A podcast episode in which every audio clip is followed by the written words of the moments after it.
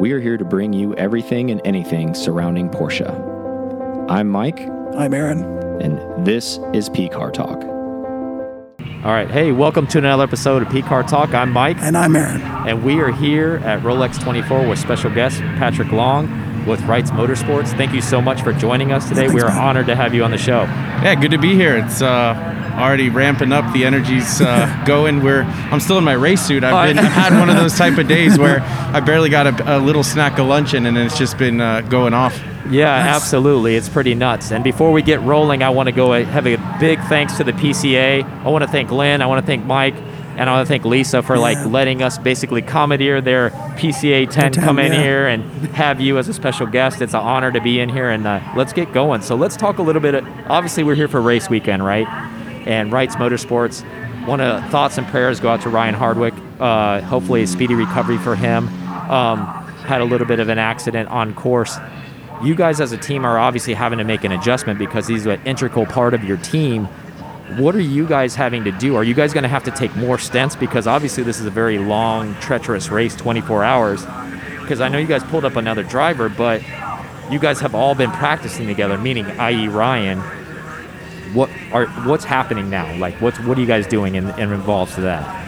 Yeah, it's a it's a big disruption to uh, our momentum. Uh, we've had an awesome uh, couple of weeks here. It feels like a month, but I guess it's only been about 10 days. Um, combining the roar and the race is uh, interesting. Um, Yeah. This is, I think, 18th or 19th Rolex in a row for me. And normally I'm used to kind of coming out of New Year's haze and uh, jumping right into a race car the Yeah. 3rd or 4th of January. So they've moved it to the end of the month, and I think that's great, mostly for efficiency in cost, but Uh-huh. also for schedule and just allowing yourself to kind of get out of the holidays before you go right into racing. Yeah.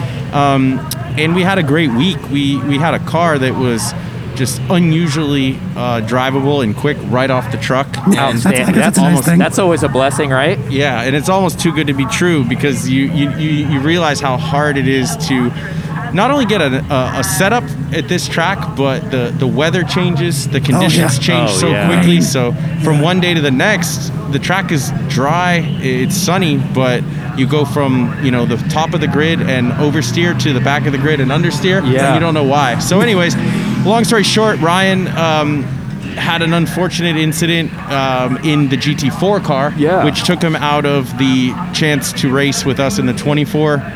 Um, it's a disruption mostly because Ryan is a leader, and this is essentially his program in conjunction with Wright Motorsport, who is the team engineer and the Uh-huh. logistics staff.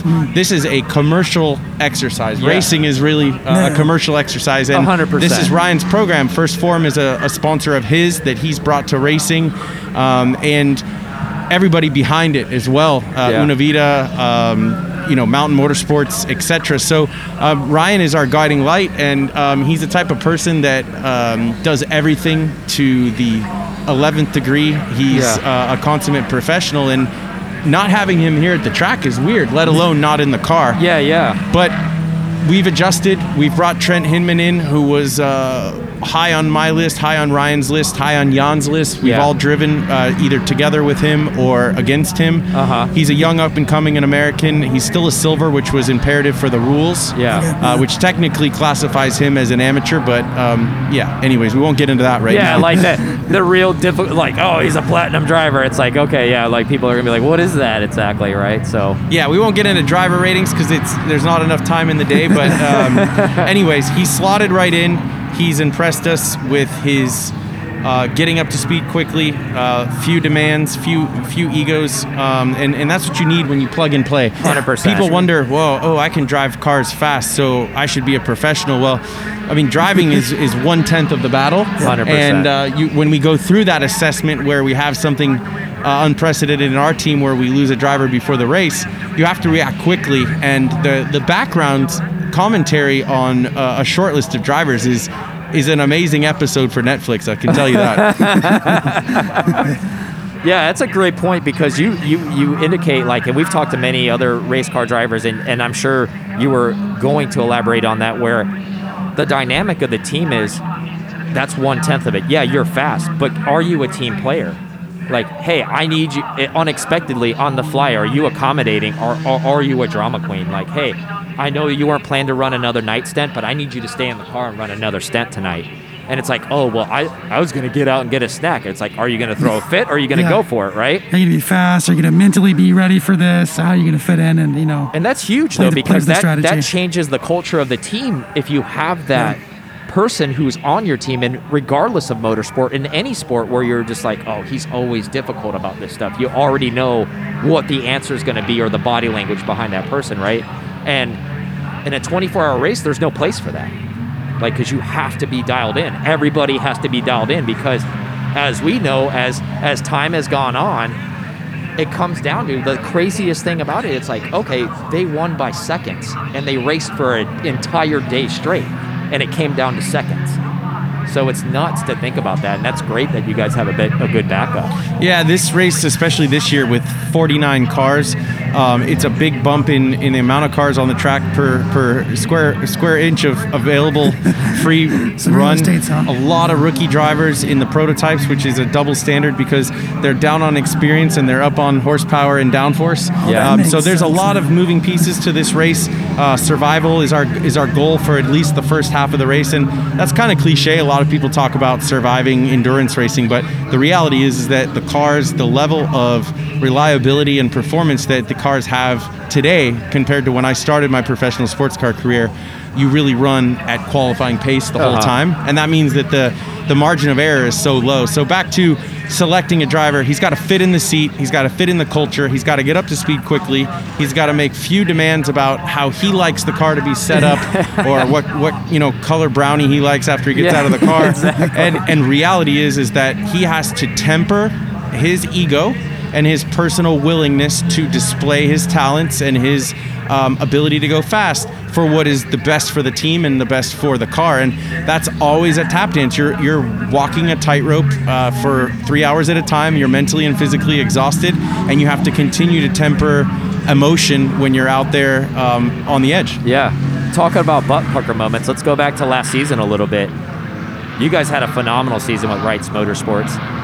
We were at Sebring and we watched you guys on that last night stint, and you were in the car basically playing defense at the very end. I mean, last race of the season, the Sebring was pushed back to November, obviously. Um, usually it's a March race. I mean, that intensity, just that, because everybody's pushing so hard, right? Those last couple laps, as time is literally tacking off the clock. Like, go through some a little bit of that, like, emotions. Like, what are you thinking about during those times? Yeah, you definitely first kind of emotional conversation you have in your own head is when it's your turn to take over and your helmet's on and you're standing on the pit wall and the car's coming down pit lane. Um, that's the time to really rely on your sports psychology, your performance thinking.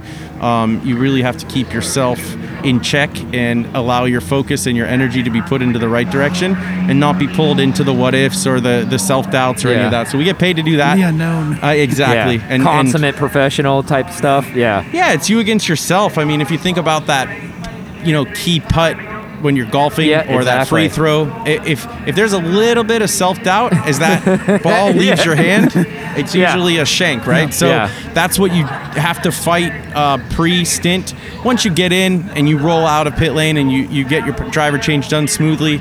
It's pretty straightforward. Um, instinct takes over. Uh, you know, 30 years of racing is what you rely on at that Yeah. point. But yeah, uh, running in those last five laps at Sebring in the pitch black with multiple classes fighting for one of the biggest sports car trophies in all of racing. Yeah. I didn't know if I was leading. I didn't want to know how far the car was behind me. I'm a pretty chatty driver i- in regular reality, but in those 10 laps, I didn't have Yeah. an extra ounce of energy to Comms went quiet. everything. Everything went quiet, and it was just time to find your flow and and to hit that nature. And you don't always you don't always do it. Yeah. Um, it was a wild finish. The the short story was the the Mercedes had the car to win. The Ferrari was leading. They tangled up with an LM car. I was right there to see it, and sort of was in the catbird seat to slip through. And then the part that wasn't shown on TV was the Aston blew by me down the back straightaway on that lap and took the lead. And I thought to myself, that thing has so much straight line speed. I don't I don't really know how I'm going to react here. And instead of allowing myself to even finish that thought, I charged on into 17. He got in a little bit hot. I slid underneath him, and then I realized that if he got to me again, I wasn't going to have that second chance to repass him. Yeah, yeah. And that's when I just put my head down. And yeah, it was one of the biggest um, victories of my Yeah. career. Emotionally, intense. That's awesome, It was though. uh, it, it unloaded. Um, you know, there's there's creases in the roof because I was literally jumping on the roof. That's so awesome. And, and it was exciting for us as fans and enthusiasts being there too and watching that. Because, I mean, it was literally nail biting at the end. And, like, it was so exciting and so proud of you guys. Obviously, want to continue that success with this year. And I think a lot of that has to do with you and Jan have a lot of experience collectively. Obviously, just recently racing together, but just personal relationships, as we talked off Mike a little bit. When he was in Formula Three, you were kind of helping him along because you were in Formula Three before him as younger men, like showing him the ropes and like kind of helping him along, even just with like room and board and all that kind of stuff. And now you guys are married up. You know, you were like last year, but now you guys are in the car together doesn't that help a little bit like that you guys have had such a long bond even if you guys haven't been buddy buddy all of these years you guys have that working relationship together right Yeah, for sure. I mean, it comes back to trust, the ability to know how direct you can be with somebody. Um, you know, just communication principles, really. Um, Yeah. And then the other side of it is, yeah, we, we enjoy, uh, you know, racing together. Um, it's it's weird that we've been friends since the late '90s, but I don't know if we technically had shared a car until last year. That's what he uh, said. Yeah, wild. yeah, that's what he said. which is kind of nuts you know to think about that but i mean all good like you guys are bringing experiences from different angles you guys have both spent different areas of your careers in other areas but now you guys are kind of gelling together. And i'm sure you guys are going to especially lean on that having your leader as you said ryan out for this particular race your experience and and all the experience that Jan has as well for this particular 24 hours so that's going to be a, a big help i'm sure Yeah, I mean, admittedly, we're still working through some decisions. It's you know the the the eve of the race, and Yeah. that's how it goes down. I mean, I just ran into Helio Castroneves, and he's still in his race suit, and he was jogging by me. So everybody everybody runs it hard right till the very end. I mean, the the goal and the hope is is you get away nice and early tonight, have a relaxed dinner, make sure you're on top of your hydration and your nutrition. Uh-huh. Roll in tomorrow, have everything laid out so that you consume the least amount of energy. When you think about 24 hours, it's really a 36 hour race because you know you're Yes. you're you're laying awake at 3 a.m. thinking, all right, 12 hours from now we're going green. But yeah, it's a it's a long day to say the least, and uh, you know. Part of getting through these races, they're difficult physically and mentally, no matter how many you've done, uh, is just preparation and yeah, being fit and and active and and all that stuff. But I mean, down to like laying out your Nomex underwear and knowing your Uh-huh. schedule and knowing your PR schedule and and just kind of cruising and, and getting out of the car and being able to step out of pit lane, disconnect, and just kind of rest your mind. Yeah, yeah, and and I think a lot of listeners don't understand too. Like, and they may understand, but I think there's a lot of people that maybe come to the track and they don't see all the like hard work you guys put in that doesn't get seen. And I think even we talked to Vanthoor on Thursday, on Tuesday, excuse me, and he talked a lot about even when he was at Spa last year. You know, he's going through emotional roller coaster ride about sometimes even with your mental strength, and you always need to be like on your game and confident and he was not feeling confident because he had he put the car off track a couple races before that like consistently and he had to call his mental coach and i think for all of you guys who have that continuous like mental therapy and you keep going through all that the strength and all that stuff to have to build on and the focus i think a lot of that gets missed to be completely honest with you where it translates to the fans and Yeah, like you just see what you see on TV. And yeah, like it, oh, they see all the the sexy side of. it. Let's be Yeah. honest, like oh, it must be great to be a race car driver, right? Easy. Like Get in the car you and show drive. up and just drive, and it's like Get the yeah, trophy. the countless hours you guys spend training, spending in the room, looking at stuff, looking at the data. Hey, you're you're apexing a little too early here. Hey, you're apexing a little late here. It gets for some people, and it takes a lot, like you said earlier. You can't just be fast. Like sometimes it's tire management, sometimes it's fuel management, sometimes it's mental health management. So there's a lot of stuff, and I think it says a lot for you guys that have had illustrious long careers, like yourself, Jan, who have been able to keep fighting. That shows that you guys are really mentally tough. Yeah, it starts early. I mean, Laurens, myself, Jan, I mean, we all started as young kids karting, and you start to learn racecraft, you start to learn how to extract speed, and then there's that kind of 1% of the 1% who get a chance to make it on a pro level.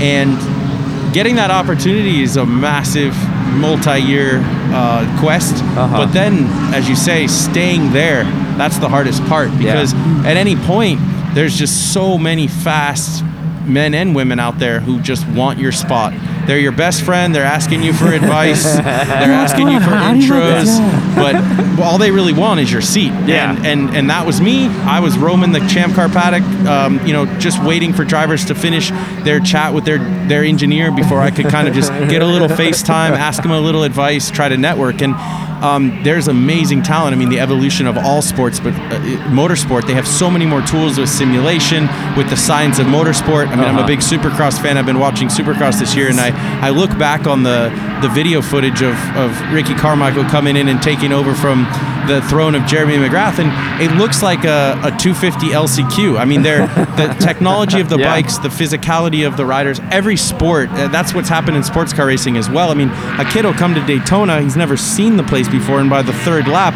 he's as fast as he's going to go all weekend. It's amazing. I Yeah. mean, for us, it took us, you know, three, four years to do what they do in three or four laps. Yeah, it is. It is incredible, like the the growth and like where they're at with things like that. And that's a great point because motorsport. I mean, even from F1, like, and we've talked to other like everybody's goal obviously is F1. Like that's why you guys do Formula Three. You do open wheel to sto- hopefully eventually work your way into that seat.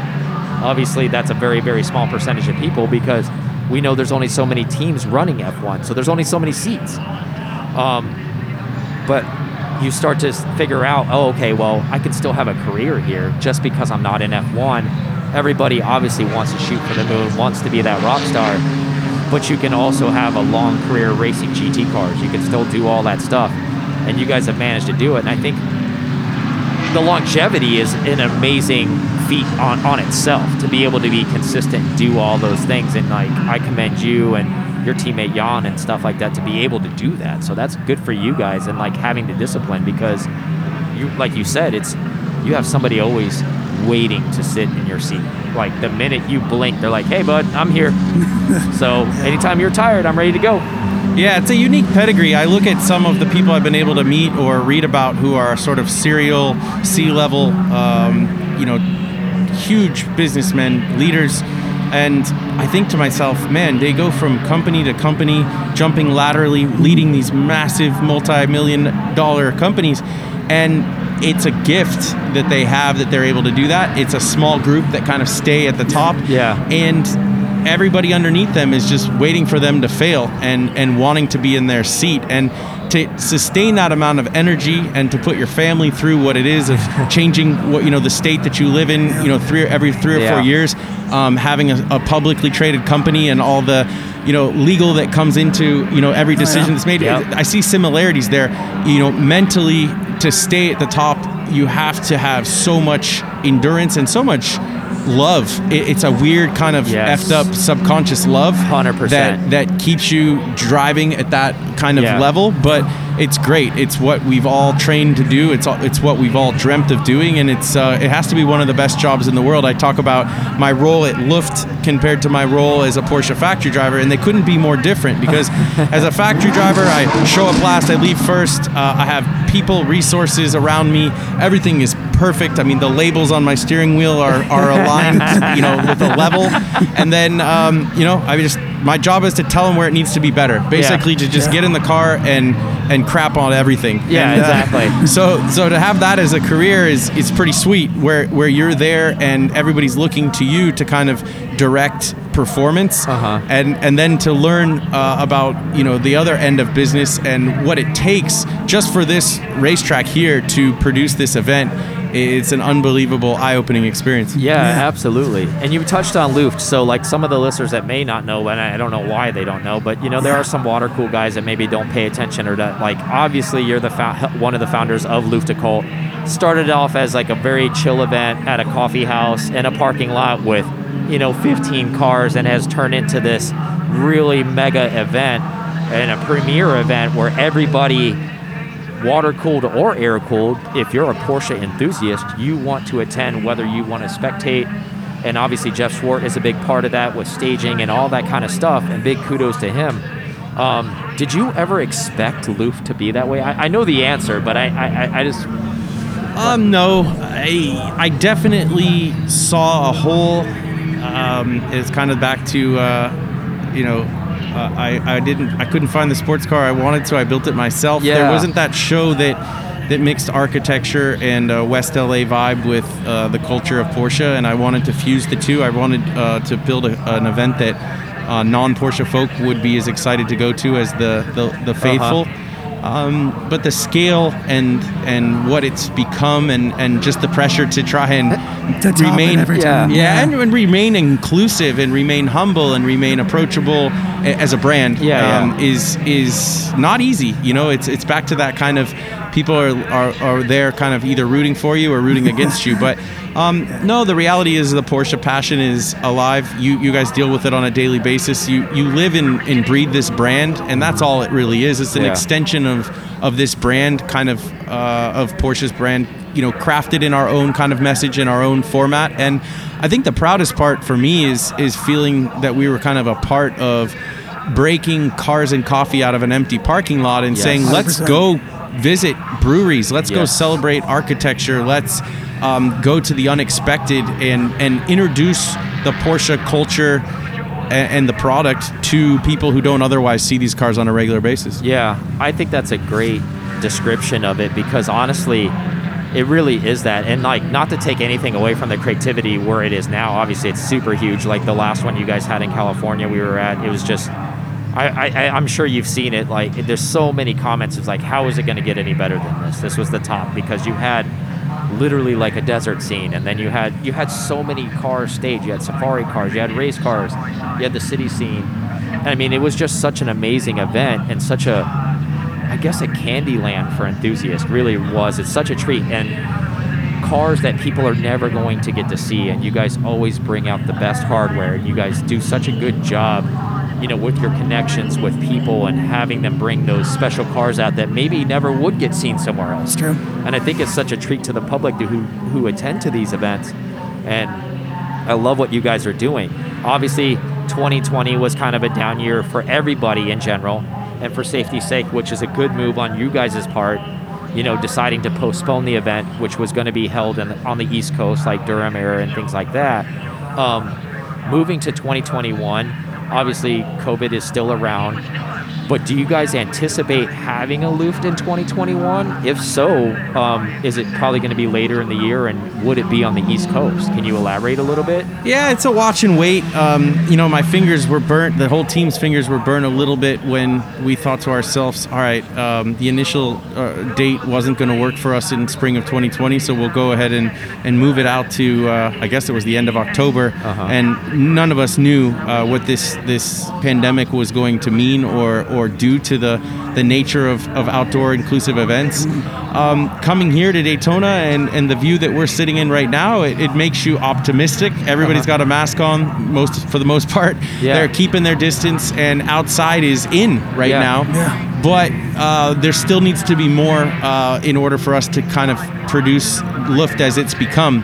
It, it was never my vision of, of having a, a, a 7,000 person event. And so, with that, the, the crowds have to be uh, accounted for. Uh-huh. I think that there are markets and there are venues that would allow us uh, the first half of the year to produce a, a big event, if you will. But Uh-huh. right now, my viewpoint uh, and the team's viewpoint is let's be part of the solution, not part of the problem. Got and, it. and let's not be a super spreader event. So Yeah, yeah. we're gonna we're gonna hold fast. I'm confident um, that that Q3, uh, Yeah. Q4, that there'll Yeah. be some potential with the vaccine and everything else that's going on. Uh-huh. Um, you know, I don't want to get too political. Uh, in, Yeah, in this case, it. it's it's about you know just doing the right thing. So we, we had a small event uh, that was just kind of a pop up. Yeah, that was nice at. Petite, right? Yeah. Yeah, so there might be a couple of those up our sleeve between now and Q3. Um, I've heard some whispers that there's a few happening down in South Florida in the next couple weeks that kind of are inspired by that, and, and that's good. We'll see see how it goes. But I just feel like we're on the cusp of getting this thing heading in the right direction. So Yeah. I'm kind of fingers crossed that a bunch of big events won't be um, out there in the next couple months. I saw that Amelia was moved to May. I, I talked to Bill yeah. Warner uh, pretty much every week. I'm on a uh, Oh, nice. an advisory committee with him. Okay. And so he keeps us up to speed. And the reality is, is that at this scale, um, the only way to to produce Luft the way we do is to have real partnerships. Um, Uh-huh. You know, uh, paying sponsors who can front us the ability to produce an event of that amount of scale. A lot of people who aren't in the events business, including myself, underestimate just how much cost and risk there is, and how much money you have to put out in front. 100%. You know, this isn't just hey, we're gonna have 25 cars show up to Yeah. the local coffee shop. I Yeah. mean, once you have people flying in from all over the world, you're accountable Yeah. to them. You're accountable to uh, your your host and of course the sponsors. And so my point is is that our partners are saying, hey, you know, we really are. We're not just a sponsor that says, hey, you guys are going to do an event. We're in. They they have a voice in this, Yeah. and so we're just keeping in constant communication with them. Uh, we have our eye on a city, um, and yeah, it's uh, it's one of those things where I don't want to say too much because I don't want to Yeah, start projecting Yeah, of that course, this is going to happen. But not. the plans are there. It's uh, a weekly call that we have uh, where we talk about it every single week. Yeah, uh, yeah. The team calls in, and we're we're ready to go if if and when it's time. Yeah, I, I appreciate that too because like from a responsibility standpoint, like we understand that too, and a lot of people always ask us, they're like, "Hey, P Car Talk, why don't you guys have like a big track day event and rent out the track?" And I go, "You guys don't understand like what it takes to make that happen. Like, first of all, like we have to front the 15 grand to rent the track, and then if you guys don't show, we're accountable for that." And then we're accountable for all the safety there. And if something goes sideways, we're responsible for all that. So I think that's a good point for you to elaborate where Luft wants to be responsible, you know, also host an event. We understand everybody likes it, but we also want to make sure that you guys aren't a contributor. And that's a great point because everybody always they think that we have information because we do what we do, and they're like, "Well, when's this happening?" And I'm like, "I don't know when it's happening." I'm like, "I bet Patrick doesn't even know when it's happening." So it's going to happen when it's going to happen, right? Like I think that's always the answer. Like you'll know as soon as they can tell people, basically. Yeah, and one of the other deals that's really tricky is is that you really never can pick a date in the year in this day and age where you don't have a conflict with another automotive event. You know, we always get hundreds of emails. It's like, you know, it was my wife's birthday. I can't believe you had Luft on that weekend. Just, just for you, we're gonna Yeah, change it. and okay? everything in between, you know, down to, to clashes with uh, massive with California Festival of Speed. It was Yeah. never our intent, but Yeah. one of the tricky things that, How that is outside that's outside of our control is is that we don't go to event centers, we don't go to racetracks or golf courses where we could just kind of pick any date. We go to a lot of times we're at a place of business, and so we have to fit the the hours of the show, the day of the show, in the schedule that they allow. So sometimes we do get on top of each other, and I think post pandemic, or at least when this thing starts heading in the right direction, there's going to be more than enough choice Oh, of, yeah. of car experience. So we're trying to get out ahead of that, but at the same time, it's a it's a very uh, you Still know slippery slope. Yeah. Yeah, that's a that's a really really good point because I think, and I'm sure you get inundated with a lot of it too, and I think you do a really great job of trying to be as cordial as possible and civil with so many fans that try to probably reach out to you directly uh, and say, "Hey, when's the next Luft, man? I want to take PTO. I want to take vacation." You're like, "Hey, bud, you know how many of these I get per day?" So. Um, and at the same time, and, and especially in the now the, the COVID era that we're in right now, and not trying to hold you to anything, but like I think a lot of us East Coasters, we were going to have our final, like Yeah. our East Coast event, right? Everybody was hyped, everybody was ready to go, and I. Will we get another East Coast event at least? Like it's not gonna it's not gonna go west right away. Like was that like a default? Like hey bro, sorry about it. It. You had your chance. yeah, that was that. Hey, Rona, gotcha, bro. Yeah. Sorry about it, but um, do you think possibly? I know, like, without we're not gonna hold you to it, but is East Coast gonna get Yeah, another I mean, chance? look, I'm a pretty straightforward guy. I wear my heart on my sleeve, and I and I'm a community member. I'm a Porsche Yeah. collector. I'm not a I'm not nothing anything different than you guys or anybody that's listening. The reality is is that it's back to that opportunity um, when the, the the pieces all fit together. Uh-huh. So I don't have that answer, um, but. I definitely was excited. There were so many people that were bummed, m- mostly Southern California people, that we weren't doing uh, the seventh Luft in SoCal. And it's always been um, on my agenda to make this a traveling show. And, and Jeff Zwart, who's who's always kind of uh, giving me great ideas, and we're always talking about it. It really is a passion project. Howie as well. Yeah. Um, it when it comes down to it, yeah, we're gonna do East Coast, we're gonna do Midwest, Yeah, we're gonna yeah. do SoCal. That's awesome. We don't want to dilute um, Yeah, you don't want to be experience. geographically like loc- locked in somewhere, right? Well, no, I'm just saying we don't want to dilute what is Luft. I mean, a lot of people say the essence of Luft is it's a SoCal annual event, blah blah blah. Look, uh, one thing I've said from day one is we're gonna let this brand define itself Yeah. because it is it is a living, breathing thing. It's not Jeff, it's not me, it's not anybody. It's Yeah. just it's a community, and and the community decides. But uh, without being cliche, I think the idea that Joshy and his crew had of kind of a, a, a Forrest Gump west Yeah. to east run, that was a lot of fun. yeah, the Valkyrie Uh, the run. I was going to be part Yeah, of that. I was going to meet them like in Tennessee and come over. That was a great idea. Where essentially the the pack gets bigger as it heads east. Yes. So we'll do stuff like that. It's just give it time. Um, I'm bummed because Durham was just the perfect scenario of timing of the city. Yeah. The people. Uh, I've spent so many days there planning, and I worked on that venue personally since 2016. Um, Rory almost Ingram- like Yeah. something it hasn't like flourished yet. yeah, I mean, Rory, uh, Cam's brother, hit me up and he was like, "I think I have a venue for for you," and and that's a lot of times how Luft has found its new home. Uh-huh. And I thought, mm, yeah, not sure it's for us. And then through time, going to VIR, uh, being friends with the Ingram family, I spent more and more time in the city, and I just was like, damn, this town is so ripe for Luft. And what the cool part about Durham is, is that Luft would have essentially taken the whole town over. Which was going to be awesome. It was any bar or restaurant you walked into, you Yeah. were going to see someone you knew. Yeah. And and I talk about, I think it was called H2O or Water Fest, one Yeah. of the VW events Yeah. that um, Brian from Hoonigans, uh, Matt Croak, Yeah, yeah, who yeah. fa- co-founded 1552, they always talked about the community, about sitting on the balcony of your crappy motel and watching kids run the drag and, and just knowing that that was your reunion. Everybody has to grow up and start a business and start a family, but there's that one week where you could get away. And so I felt like Durham was going to be that chance, and I hope we can get back there. Yeah. Um, there's a few things that are in between um, that happening. Um, it, a lot has to do with the host town being behind it, but also the venue. And uh, you know, I'll tell you that, that a few things have changed in the venue since we we planned to produce the event, and so. We'll see. It, Yeah. It's it's wait and see, but there is another five or six venues that are in the pocket um, across the country that I want to get to. It just it's again one of those processes that I didn't know either. Um, it's it's a long it's a long path of Lots lead up to producing Yeah. it. I Lots of red know. I, I talked to Charles offline about it and Cam a little bit, and like for the listeners that don't know, I'm obviously not going to spoil like what might come in the future. It was going to be so epic. Yeah. Like I was looking forward to that so much, man. Like I was. I was gonna I was gonna go up a couple days earlier and actually just drive the mountain roads with Cam and Charles awesome. a little bit, Yeah. just to kind of you know drive and hang out.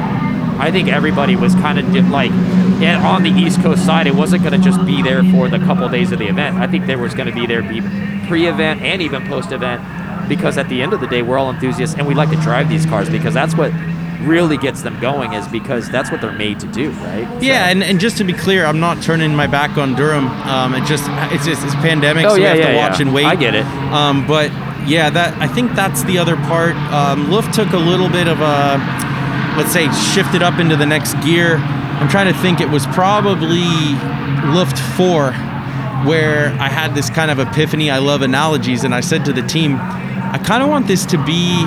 This sounds weird. I want it to be like the best wedding you've ever been to, where the actual wedding is kind of just the the end of it, Yeah. but the week leading up, as Yeah. you say, The all the different activities, just Yeah. being in the same city with so many people that you love, and you might not all be on the same agenda, Yeah. but that's kind of where we shifted a little bit of the multi-event um, foundation, Uh-huh. um, and and kind of went to a four-day scale.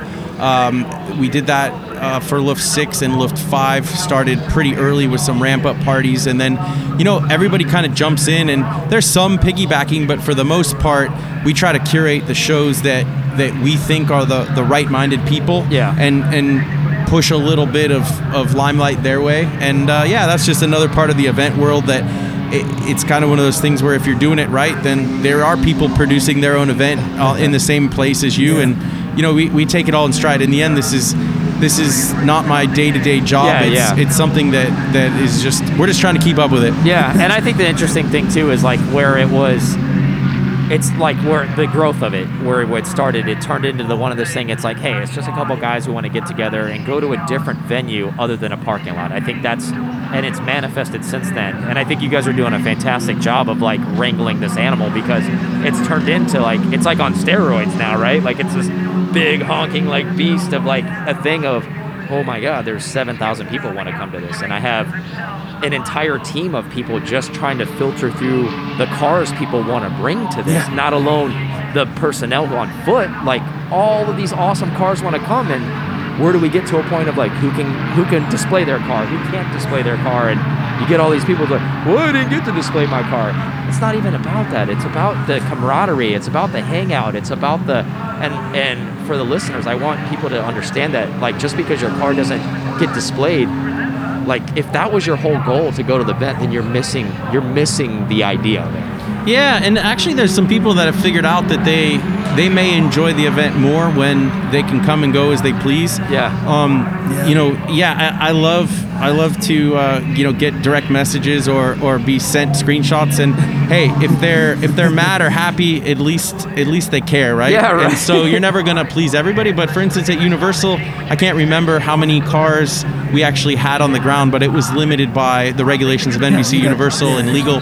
But I think we had under 20% um, of the cars that submitted an entry and paid for an entry Uh-huh. that we were able to accept. So naturally, 80% of the cars and owners were, were pretty pissed off. And you know what? It's a great problem to have, but I had Yeah. 400 people on my uh, roster uh, working that event. So I had bigger things to worry about than So- the 80% Yeah. of the cars that didn't get in. I had 400 people that I had to pay. Those are no volunteers. Yeah. And so for me, it's a checks and balances. It's a it's a business for Yeah, that for those six months. And so um, you kind of get through it. You try to remember it. You try to enjoy it. You try to be able Yeah. to have enough bandwidth to stop and smile and Yeah. hang out. And and one of the favorite parts of Luft for me is is just putting the radio down and you know maybe towards the end of the day kind of the happy hour just walking around Yeah. and trying to absorb it and enjoy it for a minute i've caught jeff a couple times where him and i have had a sidebar conversation of that golden hour when he actually just gets to walk around and like yourself very recognizable jeff very recognizable because you guys done so much in the porsche industry and i know it's tough for you guys even out here to just be you for a little bit right? Like be a fan. Like instead of having to always and not that it's a burden but like I know I know how it's like where you guys want to just go and you're like I want to just look at the stuff too because I'm just like you guys. I want to see the stuff and then you're like everybody's tugging at you all these different hey Patrick can I talk to you? And of course you're gonna do the right thing. You're gonna say hey how's it going? Oh good thank you for coming and all that stuff. And it's tough I, I, feel for you guys in those situations because everybody's pulling at you guys nonstop where you guys are like you put this amazing event on and I got to see it through basically Jeff's lens because that's all I got to see. yeah, the amazing part of that is it's really just a, a measurement of time and organization.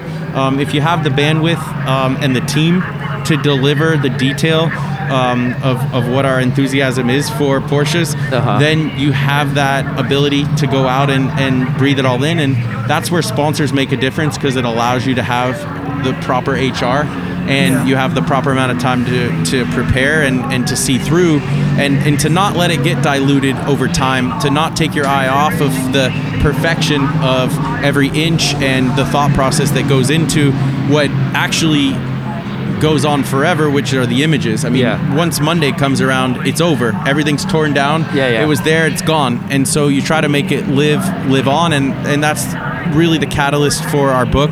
Uh, we just finished up our second book, which, Which really puts amazing. its thank you. It puts its arm around the the the, the second uh, trio of events annually in, in Los Angeles, as well as Munich um, Yeah. and Bicester, where we kind of took a road trip in That was really cool. So yeah, it's fun and and producing a book it brings back a lot of memories. I mean, a lot of the images, uh, of course, I, I I remember the car, but I didn't remember how it was laid out or or whose car it was. So it's fun to kind of live back through the thousands of images as we go through the final selection of again it's one of those things oh my car didn't make the book but um, you know we brought in a designer um, you know ralph helms this year Uh-huh. he's not a porsche guy and that was by design because we want to extract images that speak to a professional designer and and that it's not about the quality of the car.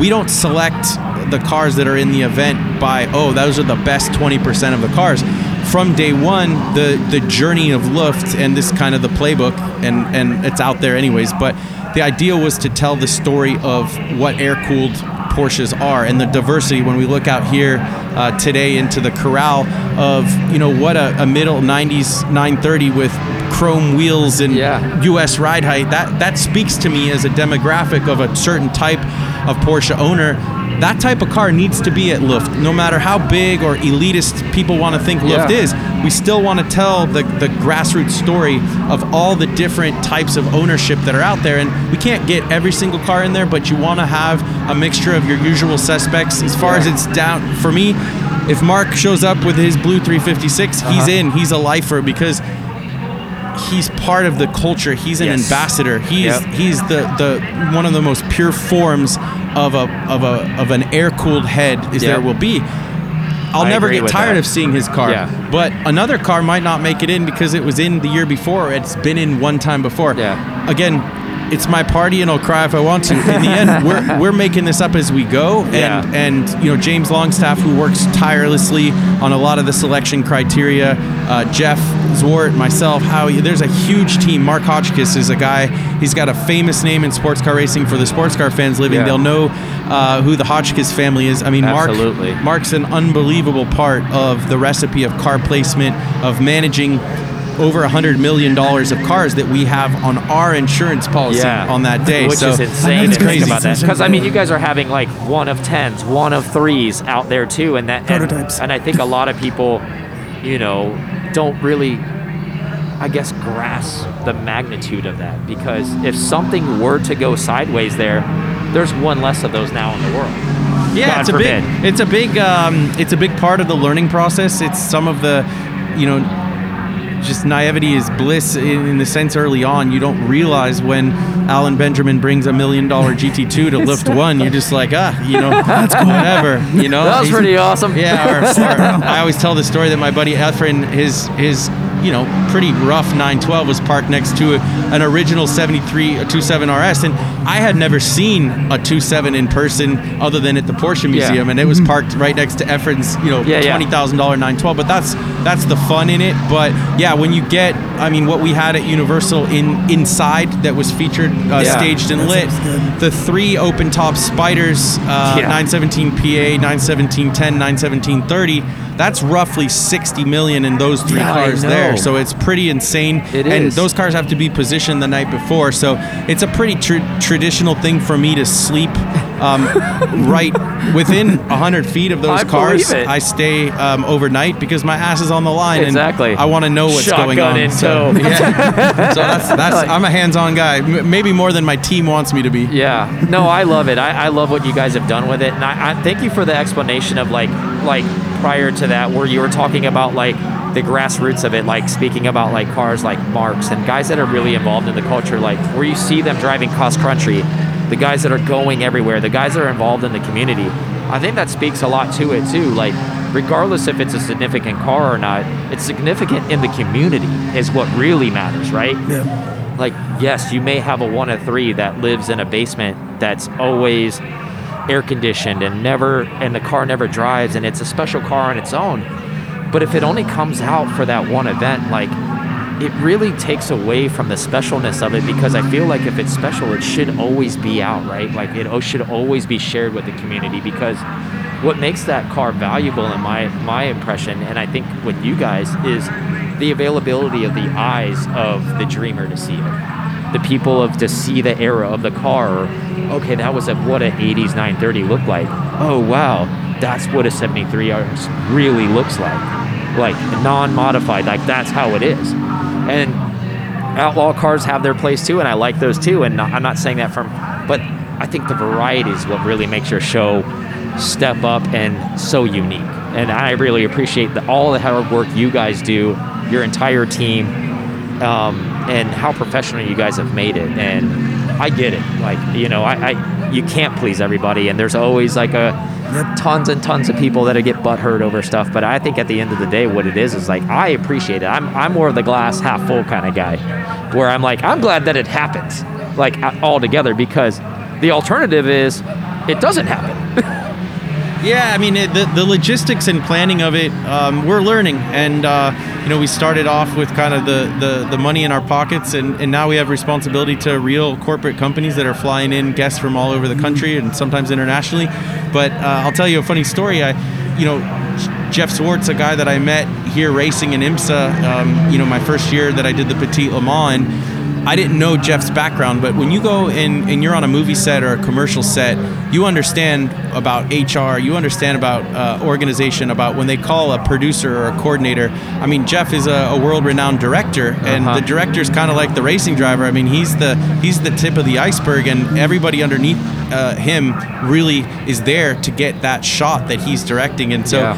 when I was on a recent uh, shoot with a couple of pretty cool celebrities in in Tycons, uh, we were shooting up in the hills in, in Malibu, and Jeff was the director, and I was uh, one of the kind of guest drivers. And anyways, you you understand how efficient and and how organized um, a movie set or a commercial set works, and that's great inspiration for me. And it just proves how little we knew when we started out on this journey. And we're we're making we're chipping away at it, but Yeah. for the people who produce their own events, whether they're car shows or not, that listen, they're nodding their head. It's just a lot of moving pieces, and it gets back to, you know, it's not rocket science. It's it's really down to communication, preparation, organization, which isn't different from racing. But um, the last thing I'll say on the racing side is is that you know I've come in and out of meetings today, and it's about balance of performance and extracting the most speed from your car and the organizers, IMSA, man, they they have a tough job because everybody's lined up outside of their truck to tell them how they're effing up and how they need to change the, the balance of performance to oh, allow their Yeah. their organization or their OEM to look better. I'm so sick of BOP. yeah, yeah, or Like the fan who's mad that they had to wait